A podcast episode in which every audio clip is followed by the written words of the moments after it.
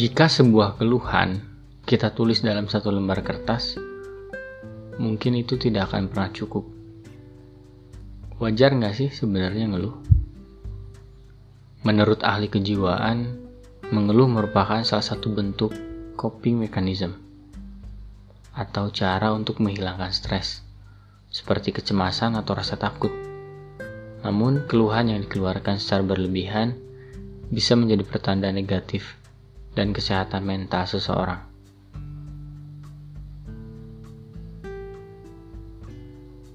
Aku, kamu, atau banyak orang lainnya pasti pernah mengeluh. Berulang kali. Tapi sadar nggak? Semakin banyak mengeluh, semakin banyak waktu yang terlewat.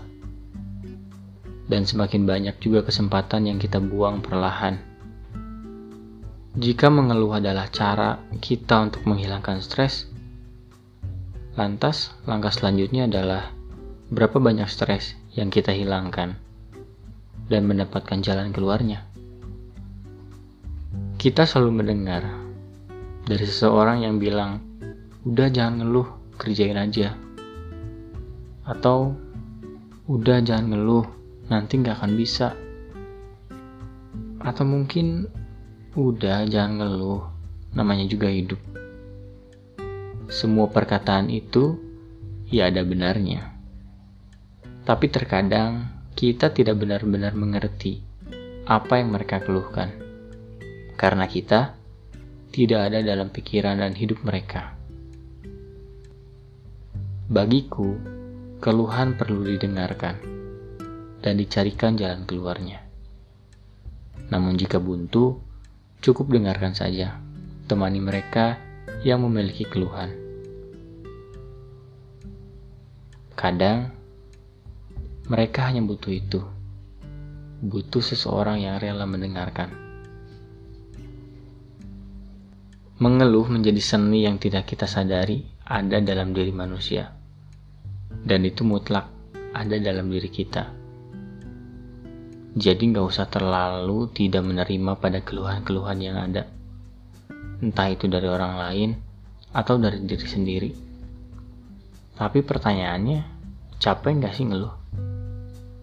Pasti capek, capek banget. Keluhan terjadi karena keinginan yang terbang entah ke mana. Jadi, keluhan terjadi karena keinginannya tidak dalam frekuensi kita. Kita pasti tahu, keinginan manusia itu pasti sudah besar. Apa pun itu. Aku mau ngajak kalian untuk tulis apa pun keluhan kalian akhir-akhir ini. Keluhannya bisa apa aja. Entah yang datang dari diri kalian, keluarga kalian, teman, kasih, atau karena situasinya itu sendiri. Kirimkan keluhan kalian dalam bentuk teks ataupun audio langsung di Instagram menuju akhir pekan atau melalui email menuju akhir pekan gmail.com Kalau aku, akhir-akhir ini sering kali ngeluh kepada diri sendiri. Karena merasa banyak hal yang ternyata nggak bisa dilakukan. Apalagi didapatkan. Kadang malah frustasi sendiri. Ngerasa diri sendiri nggak pernah berguna.